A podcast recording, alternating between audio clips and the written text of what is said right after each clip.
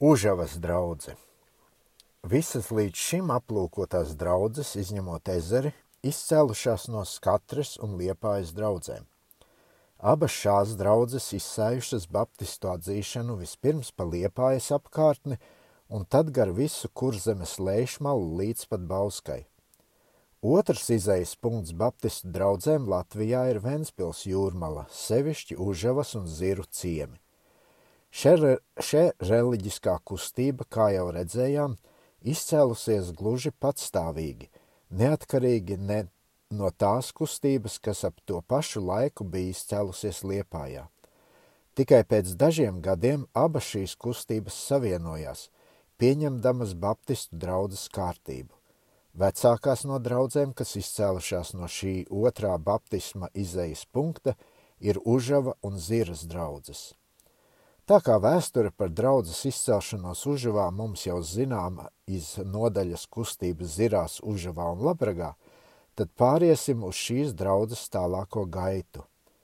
Kā Užavas, kā Užavas baptistu draudzes pirmais darbinieks minēms ir ķēļu māju saimnieks Draunieks, kurš kaut gan bez sevišķām skolas zinībām, tomēr ar dedzību sludināja Dievu vārdu un ar mīlestību prata sēt Dievu vārda sēklu – neizkoptās siržas zemēs.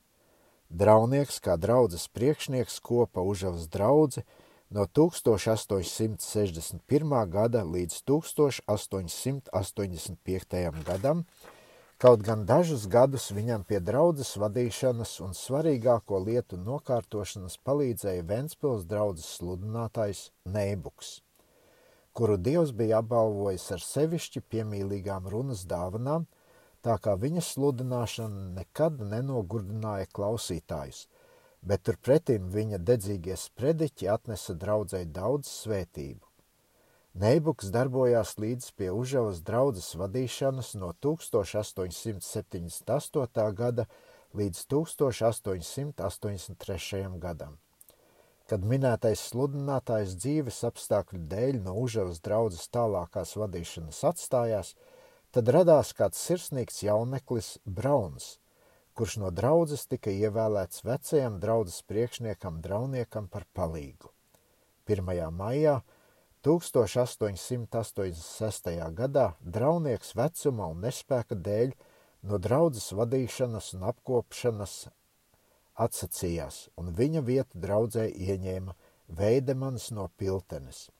Minētais brālis, kā miermīlīgas dabas cilvēks, četrus gadus darbojas draudzē par lielu svētību. 1. maijā 1890. gadā Veidemens no šejienes pārcēlās uz Saku, un tanī pašā 1890. gadā 17. jūlijā viņa vietā stājās Brauns, kurš draudzēji kalpoja līdz 1892. gadam. Pēc Brauna draudzes sevim par priekšnieku izvēlējās Širmeli, kurš kā labs sludinātājs kalpoja draudzē līdz 1897. gadam.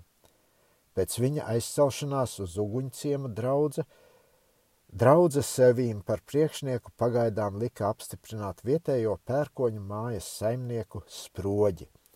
Šis brālis – Ar tā laika nopietnā Ventspils draudzes sludinātāja Ēdemaņa palīdzību kalpoja draudzē līdz 1903. gadam.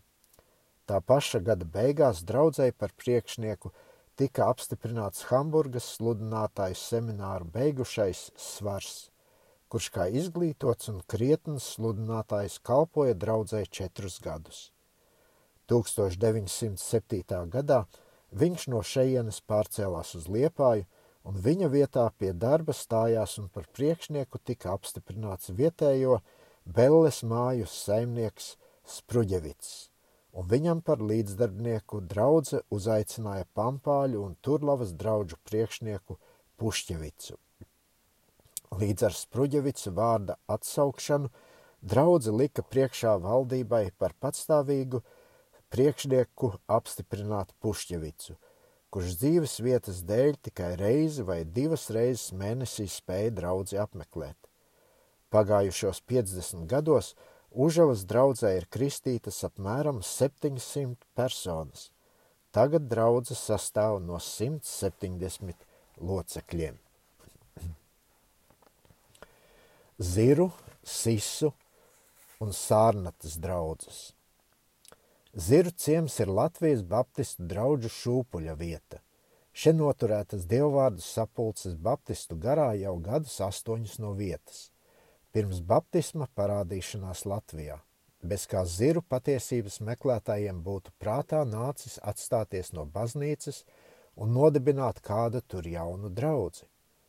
Kad šīs, šī reliģiskā kustība ziru ciemā pieņēma baptistu draudzes kārtību, tad tūliņ, kā zināms, izcēlās vajāšanas, kas aizturēja uz vairākiem gadiem draudzes nodibināšanu šajā ciemā. Lai gan starp 9. septembrī 1861.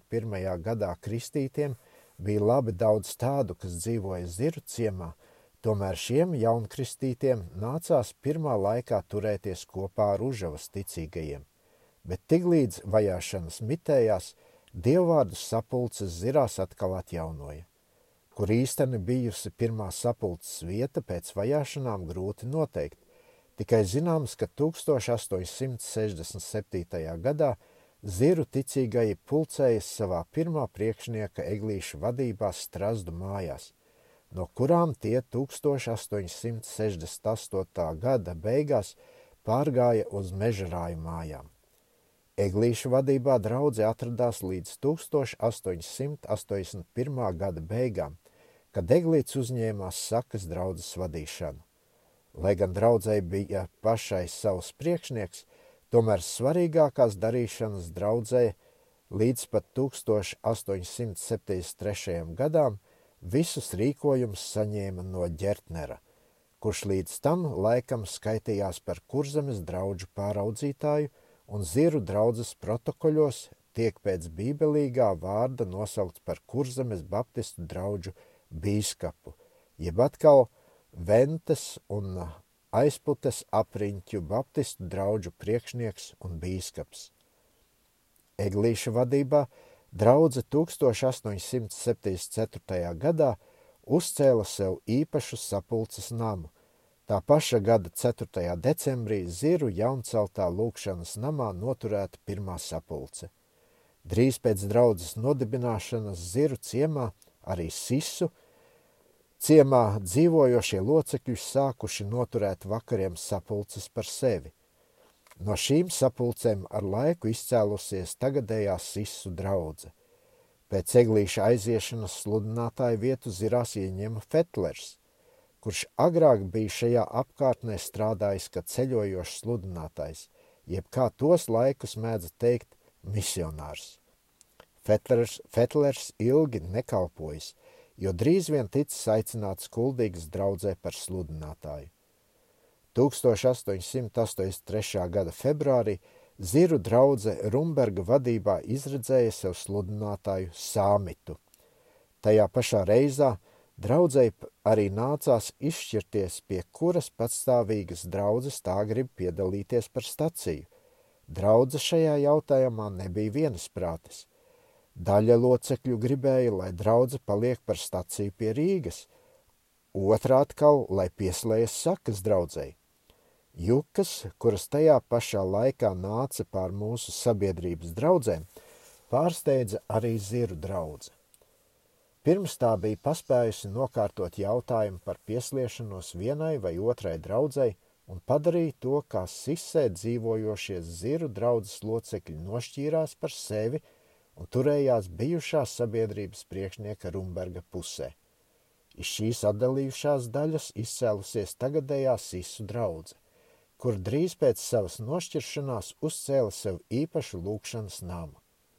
Sākumā sisu draudze apkopta no Piltenes draudzes priekšnieka Jēkaba Iņķa, bet pēc tam pārgāja tagadējā sludinātāja Brensona vadībā.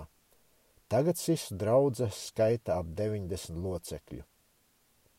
Ziru draudze līdz ar 1889. gadu nāca atkal savu pirmā priekšnieka eglīšu vadībā, kurš bija nolicis sakas draudzes vadītāja amatu un pārcēlies uz savām mājām zirās. Līdz 1900. gadam šī draudzīte pulcējas savā lūkšanu namā zirās, bet tad draudze atrada par labāku savu lūkšanas namu no zirām pārcelt uz sārnati, jo uz turieni bija pārgājis dzīvot visu locekļu vairākums, un no tā laika šī draudze arī saucas par sārnatas draudzi.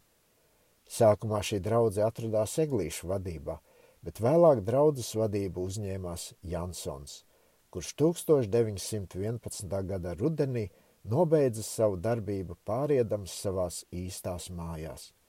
Viņa vietā par draudzes priekšnieku apstiprināja tomdēlu saimnieku Anševits.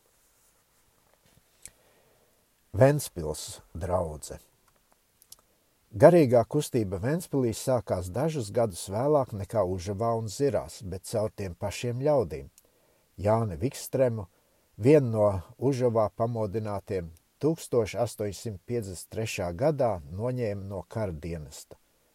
Dienesta laikā Vikstrēms bija tapis par garīgām lietām diezgan vienaldzīgs, jo, kad tas 1856. gadā pārnācis mājās Užavā, tas kaunējies satikties ar saviem agrākiem garīgā cīniņa biedriem, kuri jau pa to starpu bija gan rīz šķīrušies no baznīcas un runāja par par kādu tur bībelīgu kristību, kas vienīgi esot pareiza, lai gan vēl nekāda kristība nebija notikusi.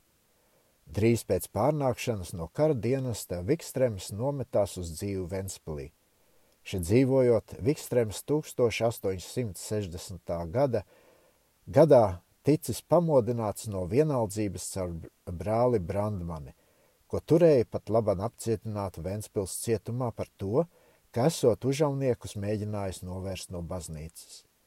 Satikšanās ar Brandbani, Brandbani Vikstrēmā pamodināja atkal slāpes pēc patiesības, un tas atkal ik svētdienas mēroja trīs jūdzes garo ceļu uz Užavu, lai apmeklētu savus agrākos cīņas biedrus.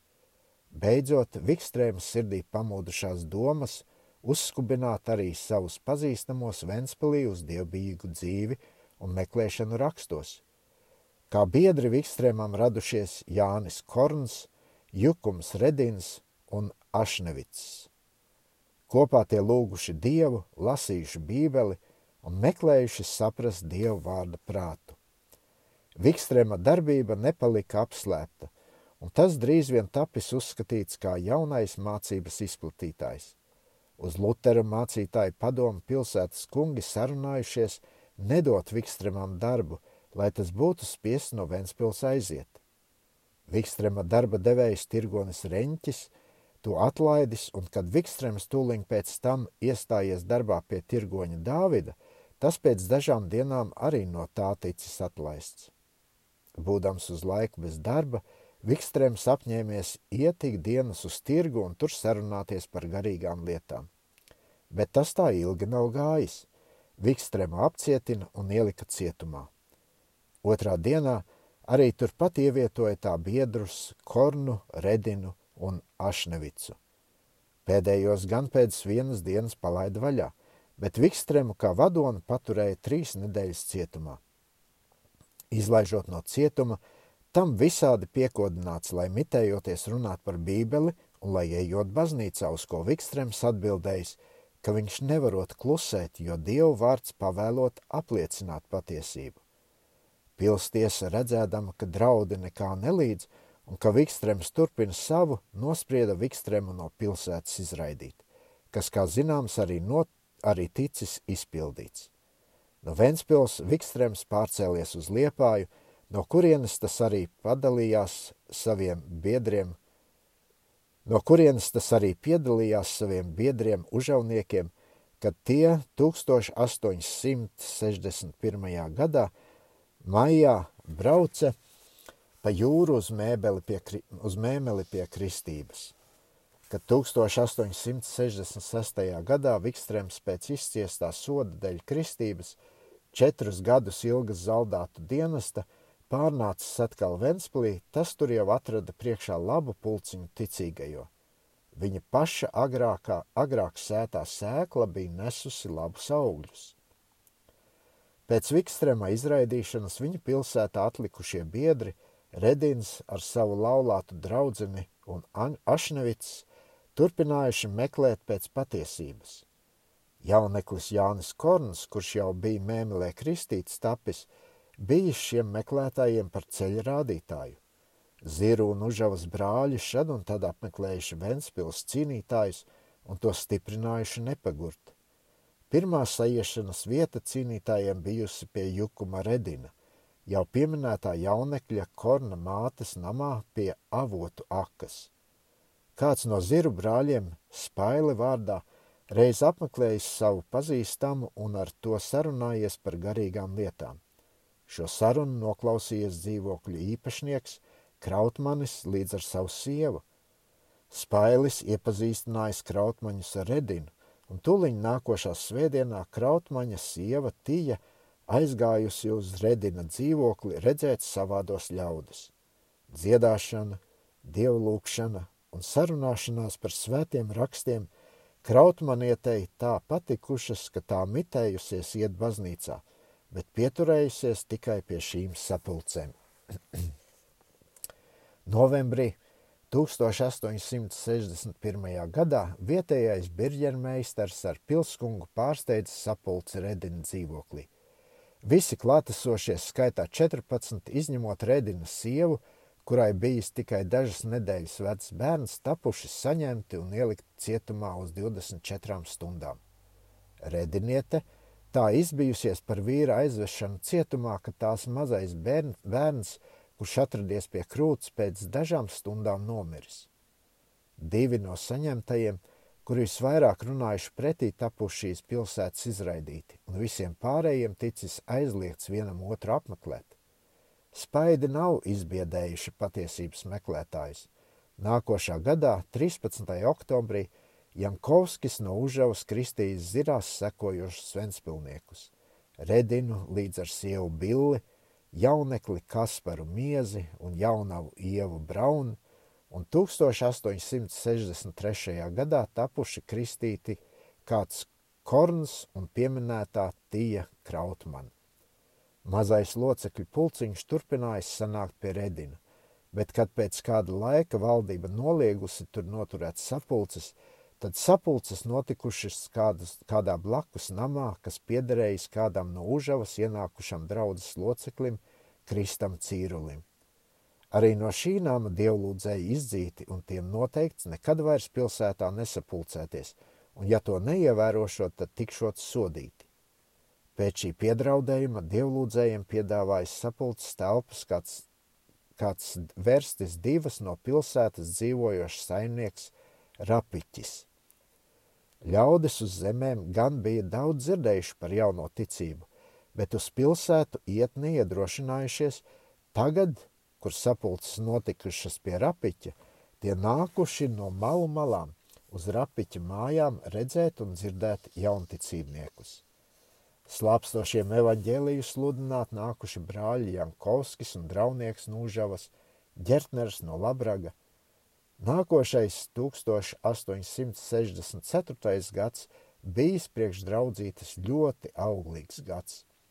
Tikušas kristītas astoņas personas, un to starpā trīs saimnieki - Jukums, Rapiķis, Indriķis Sīmanis, Ošu mājas saimnieks un Anžus Tīs Peniķu māju saimnieks. Pārējie no jaunkristītiem bija Jānis Junga, Jēkabs un Anna Krūza, Jukums Jansons un Kalējs Evalds Cinovskis. Minētie saimnieki, būdami kroņa ļaudis, nebaidījās uzņemt sapulces savās mājās, jo tos nevarējuši izdzīt no mājām, kā to darīja mužnieki pa Užavu un Zirām bet arī te tika atrasts spaidu līdzeklis. Saimniekus sodījuši ar naudas sodu, ar 25 rubļiem no reizes. Kādu laiku katras svētdienas sapulce maksājusi 25 rubļi, kurus vai nu vietējais saimnieks pats samaksājis, vai arī pa visiem salikuši kopā. Pretinieki, redzēdami, kā ar to nav līdzēts, lika pagasta vīriem svētdienas rītos ierastos rapiķa mājās – un nelaist ļaudis tur iekšā. Tagad sapulcējušies zem klajas debesis vienā un otrā vietā uz Ventas upes krasta. Ļaudis nākuši bariem uz šīm sapulcēm, jo baptistu mājās tie baidījušies iet. Kad arī te sākuši dzenāt un neatļāvuši uz kroņa zemes sapulcēties, tad dievlūdzēji pārgājuši uz vāres muižas zemi. Vāres kungs licis sapulces gluži mierā. Šīs brīvās sapulces zem klajas debes bijušas tikai par labu, jo ļaudis nākuši tu, no tuvienes un tālienes redzēt un dzirdēt šos par briesmīgi ļauniem izdaudzinātos un vajātos ļaudis. Neviena saimnieka māja tos nebūtu spējusi uzņemt, ne arī ļaudis tur būtu iedrošinājušies iet. Tagad tie, dzirdēdami jauko dziedāšanu, sirsnīgās lūkšanas, skaidro un dedzīgo rakstu izskaidrošanu un sevišķi mīlestību un laipnību jaunticībnieku starpā un arī pret citiem, tie atrada pretdaļu no tam tā, ko bija dzirdējuši stāstām. Daudzi ar visu sirdi pieķērās baptistiem un bībeles patiesībai. Pa šo laiku brāļi bija meklējuši sapulču atļauju no kurzemes gubernatora – kurus saņēma īsi priekš vasaras svētkiem 1865. gadā. Tās bijušas vēl nepiedzīvotas gaviles. Atvēlē bija teikts, ka baptistiem ir brīvi sapulcēties savās mājās uz dievkalpošanām. Pirmā sapulce ar valdības atļauju notikusies tūliņ vasaras svētkos 25. maijā 1865. gadā Anžam Tīsam piederošās peniķu mājās. Pēc sapulces notikušas pirmās kristības Ventspilē, Ventas upē. Uz savas ticības apliecību tika no ģertnera 27 personas bībelīgi kristītes. Pēc kristības turpat peniķu mājas dārzā atklāti tika baudīts svēts vakariņš. Vēl tagad dzīvojošie brāļi un māsas atmin šo dienu – kā liela prieka un godības dienu, kurā svētais gars, kā pirmos vasaras svētkos, aizdedzinājis katru ticīgo, kā ar prieku un spēku spējuši katrs liecināt savi, citiem no savas dvēseles laimes. Lielais ļaužu pulks ar dziļu aizgrābtību noraudzījies uz šī mazā pulciņa darbību un sirsnību, un projām ejot teikuši, tādiem mums vajadzētu visiem būt. Sapulces gan vairs netikušas traucētas no policijas puses, bet ja privātpersonas traucējušas nebijis, kas aizstāv un soda vainīgos. Grūti klājies tiem, kuri piedalījušies pie draudzes, tie dabūjuši paciest gan sitienus, gan iztumšanas no vietām un darba. Vāres kungs, kurš sākumā likās būt labs, vēlāk atlaidus uz pēdām znotiņu no klēts vagara amata – un jaunekli Cinovski, kurš muižā mācījies par kalēju. Sitis sacīdams, es tev izsitīšu to jauno ticību. Daži saimnieki baptisti izlikti iz mājām. Šīs vajāšanas bija tikai par svētību. Ļaudis redzēdami, ka par tik jauku dievkalpošanu un taisnu dzīvošanu pret baptistiem tik ļauni izturas, bariem nākuši baptistu sapulcēs – Tikpat par labu nāca arī tas, ka vajag katru svētdienu no baznīcas, no kanceles baptisti zaimoti un ļaudis no tiem biedēti, jo daudzi aiz ziņkārības nākuši redzēt šos brīnuma ļaudis. Sapulcēs un ikdienišķā dzīvē ļaudis atrada jaunticīniekus gluži citādus, nekā mācītāji bija no kancelēm stāstījuši. Tas ļaudis pamodināja jautāt un meklēt, kādēļ tas tā notiek.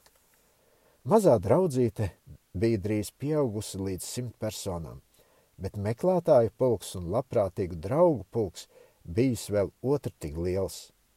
Tagad vajadzēja noteiktas garīgas apkopšanas, jo tādas sākumā nav bijis. Svētdienas rītos, kad sapulce jau bijusi ļaužu pilna, neviens vēl nezinājis, kas kalpos, un vecākie viens otru lūguši stāties priekšā un vadīt sapulci – Sākumā pārmaiņas kalpojuši brāļi Jānis Zirnieks, Andrejs Raģis un Andrejs Brikmanis. Galvenā pārziņa bijusi ģertnerim, kurš šad un tad atbraucis, bet, kad nevarējis atbraukt, tad sūtījis draunieku vai Jankovski. 1866. gadā Draudze, neatrastama savā vidū spējīga strādnieka, lūdza Jankovski no Užavas nākt sludināt. Jankovskis Užavā dzīvoja pie sava tēva un strādāja zemes darbu. Jankovski bija Ventspils draudzes darbs sirdslieta. Trīs jūdzes garo gabalu no Užavas līdz Ventspilī, tas ik svētdienas nostaigājis kājām. Kā mazu atlīdzību viņš dabūja pa gadu 35 rubļus un vēlāk 60. Šī nākšana karstā, augstā vai lietainā laikā pēc grūtā darba, darbā pavadītas nedēļas nebija viegla lieta.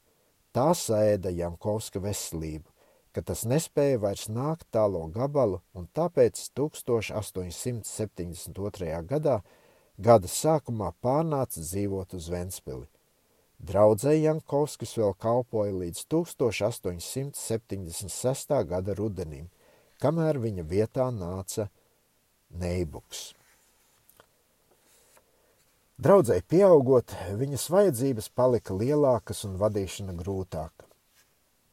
Tanī laikā, kamēr Jankovskis nāca no Užavas sludināt, draudzes vadīšana bija dažu no draudzes izvēlētu brāļu rokās. Kā galvenākie brāļi draudzes priekšgalā bija Kārlis Tīs, Jānis un Krists Spaile. Kā jau tas vienmēr bijis, un pat Korintus draudzē bija, tā arī tagad aiz vadīšanas trūkuma draudzē radās brāļi, kuri labprāt gribēja tikt pie vadības, bez kā priekš šī uzdevuma būtu aicināti, un cēla pret Jankovski un ģertneri sūdzības, lai no tiem novērst, lai no tiem ļaudis novērstu. Tā piemēram, ģertneris un Jankovskis ņemot lielu algu par sev kalpošanu, bet Bībelē esot rakstīts, ka to, kas par velti dabūts, arī par velti jādodot citiem – Lai izvestu savus nolūkus un draudzītu atšķirtu no vecajiem vadoņiem, Tīs un Spaile solījušies bez kādas maksas kalpot draudzēji. Tā kā vēl nepiedzīvojušie locekļi, kuri no draudzes kārtības maz ko zināja un patiesībā vēl nebija neviena, kas pats būtu redzējis bībelīgu draudzes vadīšanu un būtu varējis kārtīgi audzināt jaunu no draudzi pēc noteiktas organizācijas, tad tapa, tā, Tādā pārbaudīšanas brīdī izcēlās nesaprašana. 1870. gadā 8. oktobrī draudze dalījās divās daļās. Pie musinātājiem palika ap 130 locekļu, un pie Jankovska ap 70-80 locekļu. Lielais pulks sūtīja Spaili un Kasperu uz notiņu uz mēmeli, pie kuras arī Ventspils draudzes skaitījās par staciju. Mēmeles draudzes priekšnieks Nīmets izsūtīja uz Ventspili Elbingas draudzes sludinātāju Hinrīsu. Sajukušās lietas Ventspilī nokārtot. Pēdējais neatradis nekādu šķiršanās iemeslu, nedz arī sūdzētās lietas pret Jankovski un Ģertneri par patiesām gribēja draudzes daļas savest kopā, bet tas tam neizdevās. Iz divām Nīmets rakstītām vēstulēm 1870. gada 14. novembrī vienas dingšim, lai viņš brauktu uz Ventspili un otras atšķīrušamies pulciņam Ventspilī, var redzēt, ka šķiršanās iemesli meklējami tikai dažu brāļu sautīgos centienos. Nīmets šos brāļus nosauc par Wortführer, balamutēm, kuri uzmetušies ļaudīm par vadoņiem, bet patiesībā tādi nav. Viņš pamāca atšķīrušos no tiem atkāpties, atzīt savas kļūdas un pievienoties atkal īstai draudzēji, kura ir zem Jankovska vadības. Vēl tagad dzīvojušie brāļi un māsas, kuri arī piederēja pie atšķīrušās daļas, apliecina, ka pēc viņu tagadējās gaismas nav bijis neviena iemesla šķiršanai, bet tikai lietu nesaprašanu un draudzes kārtības nezināšanu izlietojuši daži brāļi saviem patīgiem nolūkiem. Atšķīris, atšķīries pulciņš ķērās pie sapulces būves. Par sapulces būves vedēju tika ievēlēts Anšs Tīs, kura vadībā uzbūvēts lūkšanas nams 1871. gadā. Uzceltais lūkšanas nams – bija pats pirmais baptistu lūkšanas nams kurzemē, kurš vēl tagad kalpo draudzes dzīvokļiem. Nu bija nams un ļaudis, bet nebija atkal neviena vadoņa, kurš spētu vadīt. Gaišākie locekļi redzēdami, ka bez vadoņa ir nīkšana, sāka jau 1872. un 1873. gados griezties atpakaļ pie īstās draudzes, un 1874. gadā atgāja atpakaļ vairāk nekā 40 personas pie Jankovska vadītās draudzes. Pārējie palikušie nespēja Anžam Tīsam priekš sapulces būves aizņemtās naudas summas maksāt, un lai sapulces nams nekristu citu rokās, Tīs to atdeva Jankovska vadītai draudzēji. Tagad savienojās gandrīz visi, izņemot retus. Atšķīrušos, loc, atšķīrušos locekļu atpaļ, atpakaļ uzņemšana notikās caur kļūdu atzīšanu un nožēlošanu. Lielais darbs priekš, izlikās priekš Jankovska vājiem miesas spēkiem par grūtu. Tādēļ draudze raudzījās pēc kāda jaunāka un spēcīgāka strādnieka. Tādu, viņi, tādu viņa atrada Nēbuka personā, kurš Rīgā dzīvodams bija mācījies tā sludināšanu, kā arī draudzes vadīšanu. Viņam netrūka arī tā laika izglītība. Neibuka laikā draudz dabūja noteiktu uz svētiem rakstiem dibinātu organizāciju, kuras pārkāpšanu Neibuks nekādā ziņā nepielaida, bet stingri pārmācīja pārkāpējus. Viņa ījūsminošie sprediķi pievilka pulkiem ļaudis, ka diezgan lielā sapulces telpa palikās par mazu. Neibuks daudzas, daudzreiz tā nopūlējās sludinādams, ka viņa spēki pagura, un dažu labu reizi tam vajadzēja palīdzēt no kanceles nokāpt un ieiet savā istabā. Pie tā savu tiesu bija arī vainīgs sliktais gaiss, kas cēlās dēļ telpu zemiem griestiem un pārpildītās sapulces. Tas kungs svētīja Neibuka darbu tā, ka līdz ar 1880. gadu Draudze bija pavairojusies par 150 jaunkristītiem locekļiem. Pavisam Nēbuks kristīs Ventspilī līdz 1887. gadam vairāk kā 300 personas. Nēbuks gan kalpoja vēl līdz 1890. gadam, bet pēdējos trīs gadus neizpildīja vairs citus mācītāja amatīgus pienākumus. Neibuku bija apsūdzējuši valdībai, ka kristīs kādu krievu no pareisticības, par ko Neibuks tapa no draudzes priekšnieka amata atcelts. Vēl jāpiemina, ka līdz ar Neibuka atnākšanu Ventspilī iestājies jauns laikmets priekš visiem kurzemes lejas daļas, sākot no kuldīgas, piltenes, talsiem, uguņciema un līdz pat pitragai. Neibuks stāvēdams sakarā ar Vācijas baptistiem īpaši ar turienes misijas draugu Bergermani, izdabūja diezgan lielus pabalstus priekš ceļojošu strādnieku izsūtīšanas un priekš sapulču telpām nomas naudas pabalstus. Izsūtīta, izsūtīti tika četri strādnieki par divi kopā - auziņš ar žagaru un veidemanis ar sāmieti, un vēlāk Rodbirķis. Bez šiem brāļiem Neibuks šad un tad pa apkārtni izsūtīja uz īsāku laiku dažus dedzīgus brāļus, un cik spēja bieži izbrauca arī pats uz apkārtējām misijas stacijām, ņemdams līdzi savu kori.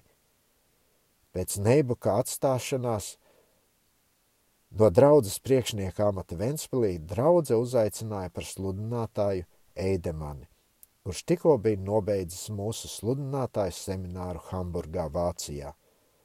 Ēdemans atnāca uz Ventspili jau 1889. gada beigās. Ēdemans darbojās Ventspilī līdz 1901. gada februārim, pēc kam tas pārcēlās uz Talsu draudzi par priekšnieku. Ar Eidemani draudze bija mantojusi vienu krietnu strādnieku vairāk, jo Neibuks palika ar savu dzīvi tepat Ventspilī un klusu palīdzēja draudzēji. Draudzes vecais Sīmanis Apdāvināts ar gaišu prātu un lielu enerģiju priekš dieva darba un draudzes vadīšanas, Eidemanim bija kā labā roka. Kamēr Neibuks ar savu straujo un karsto Pētera dabu rāva ļaudis līdz uz vareniem darbiem, tamēr Eidemanis ar lēno, kluso, bet dziļo Jēzus personas atzīšanas Jāņa raksturi ievadīja ticīgos svēto rakstu dziļumos. Par viņu var droši sacīt, ka viņš pusi no Ventspilī nodzīvotā laika būs pavadījis savā darba istabā uz ceļiem lūkšanās, tā par savu darbu, kā par visu draudzi un sabiedrības misioni.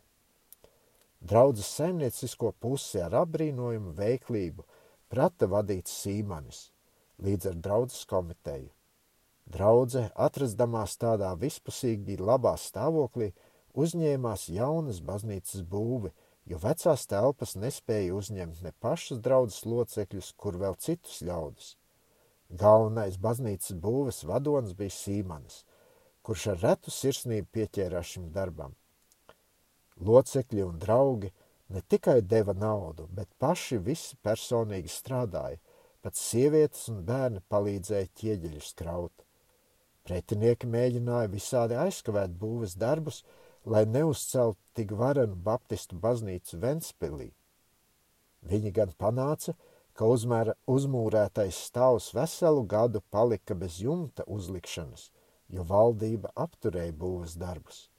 Visi ienaidnieki priecājās, ka nu milzu mūri no lietus un, snie un sniega sabrukšot, bet tas kungs palīdzēja, izdabūja atļauju pabeigšanai lielā ērtā ēka priekš vairāk nekā 1500 personām, līdz ar citām zālēm un sludinātāju dzīvokļiem tika trīs gados pabeigta. Nams tapa iesvētīts 1895. gada 5. novembrī. 1902. gadā draudz aicināja ezeres draudzes sludinātāju Eikmani par sludinātāju. 1910. gadā Eihmanas slimības dēļ atstāja Ventspili pāriedams uz savu dzimteni Lielezerē. Tā kā vienam strādniekam nācās grūti apkopt vairāk nekā 700 locekļu lielo draudzi, ar staciju staldzeni un darbu pa plašu apkārtni, tad draudze jau 1907. gadā aicināja Kurcīti, kurš pašu reizi Vācijā bija beidzis savas studijas, blakus Eihmanim par otro sludinātāju. Līdz ar to pienāca vēl vairāk stacijas apkalpošanai, kā pūzas draudzīte un gluži jaunas vietas Ugāle un Čirkstiņa ciems. Pēc Eihmaņa aiziešanas 1910. gadā kurcītis palika viens pats, un 1911. gadā viņu ievēlēja Eihmaņa vietā. Kaut gan jau 1909. gadā atšķīrās mazs pulciņš no lielās draudzes, lai paliktu par patstāvīgu draugu zaķu ciemā Rotberķa namā, kura vēlāk pārgāja uz pilsētu, tomēr draudze atrada par labu, ka arī Stalzenes stacijā ar 80 locekļiem paliktu par patstāvīgu draugu un nebūtu Ventspilī jāapkopja. Šis darbs mīlīgā ceļā izdevās – 1911. gadā Staldzene, palikdama par patstāvīgu draudzi, uzaicināja krāģi par sludinātāju. No Ventspils evaņģēlīja patiesība izplatījusies pa tuvēju apkārtni zūrām un puzi, gar visu kurzemes jūrmalu līdz pat Rīgai. Zūrās draudzīta izcēlusies no zūrās un Tārgalē dzīvojušiem Ventspils draudzes locekļiem, kuri 1906. gadā ar vairāku draugu palīdzību sev uzcēla glītu lūkšanas namu. Šis locekļu pulciņš uz kopdarbību ierosināts no sirmā evaņģēlijas strādnieka Bilerta, kurš Ventspils tuvumā dzīvodams apkopa zūru draudzes locekļus un tos ierosināja uz darbību. Puzas draudzīte cēlusies jau 90. gadu sākumā. Būdama skaita ziņā neliela, puzas draudzīte nav spējusi ar vienu uzturēt patstāvīga strādnieka. Vienīgais patstāvīgais strādnieks, kas vairākus gadus no vietas kopjas draudzi, ir bijis sludinātājs krāģis. puzes draudzīte vēl ar vien pulcējas īrētās telpās un tagad skaita ap 40 locekļu. Piltenes draudze. Apmēram divus gadus pēc tam, kad Adams Ģertners bija Ziras upē izdarījis vēsturiskās kristības, jaunā ticība sāka parādīties arī Piltenē. Kā pirmie baptisti šeit minami sekojošie – Eda Poriņa, Fricis un Eda Lagsdiņa, Indriķis un Anna Tīrman, Kaspars Poriņš, Jēkabs Egle, Vilis Sietiņš un Mārtiņš un Tija Zirnieka. Pēdējais šurp atnācis no Zirām, kur tas pateic, pateicoties Ventspils pilstiesas asesora, amatpersona tiesās vai citās valsts iestādēs, Fona Drāhenzelsa gādībai izlikts no mājām.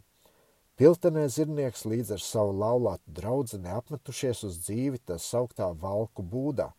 Te arī bijusi pati pirmā baptistu sapulce Piltenes apkārtnē.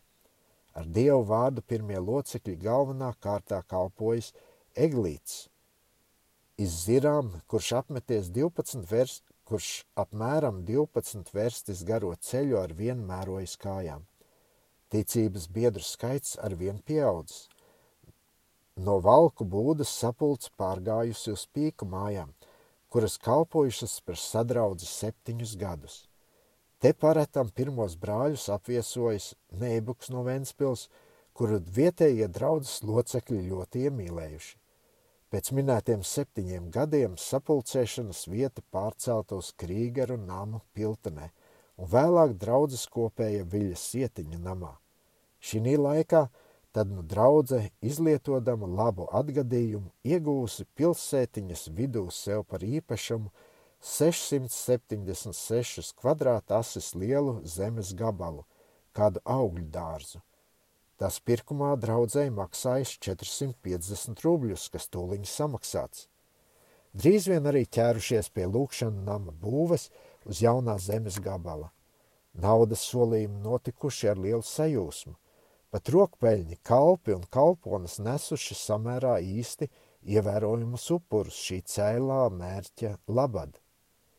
Laba tiesa palīdzības nākusi arī no mīļiem kaimiņiem, luterāņiem, vispār no ļaudīm, kas atradušies ārpus draudzes. Līdzēts ticis, ja ne tieši naudā, tad ar darba spēkiem, būves vajadzībām sevišķi upurējušies poriņš, pīku mājas saimnieks, feldmanis, dižgaisiņu saimnieks un beķers, mazpuļķu saimnieks. Darbs sekmējies labi – un draudze to redzot bijusi ļoti iepriecināta. Sabiedrības juku laikā Piltenes draudze pilnam pieslējusies savu priekšnieka Jēkaba Iņķa vadītajai Baltijas baptistu sabiedrībai, bet vēlāk, kad pēdējā iznīka, draudze nedalīti piedalīsies pie jaundibinātās Baltijas baptistu unijas sabiedrības. Jaunceltais lūkšanas nams ticis atvērts 25. martā 1881. gadā kā galvenākie sludinātāji, kuri Piltenes draudzē ilgāku laiku darbojušies minami sekojošie brāļi – Eglīts, Neibuks, Veidemans, kur darbības laikā arī sapulces nams celts, Jēkabs Iņķis, Pušķevits, Bilerts un Everts. 1909. gadā draudze uz Everta ierosinājumu uzcēla turpat lūkšanas nama košajā pagalmā – atsevišķu koka namiņu sludinātāja dzīvoklim.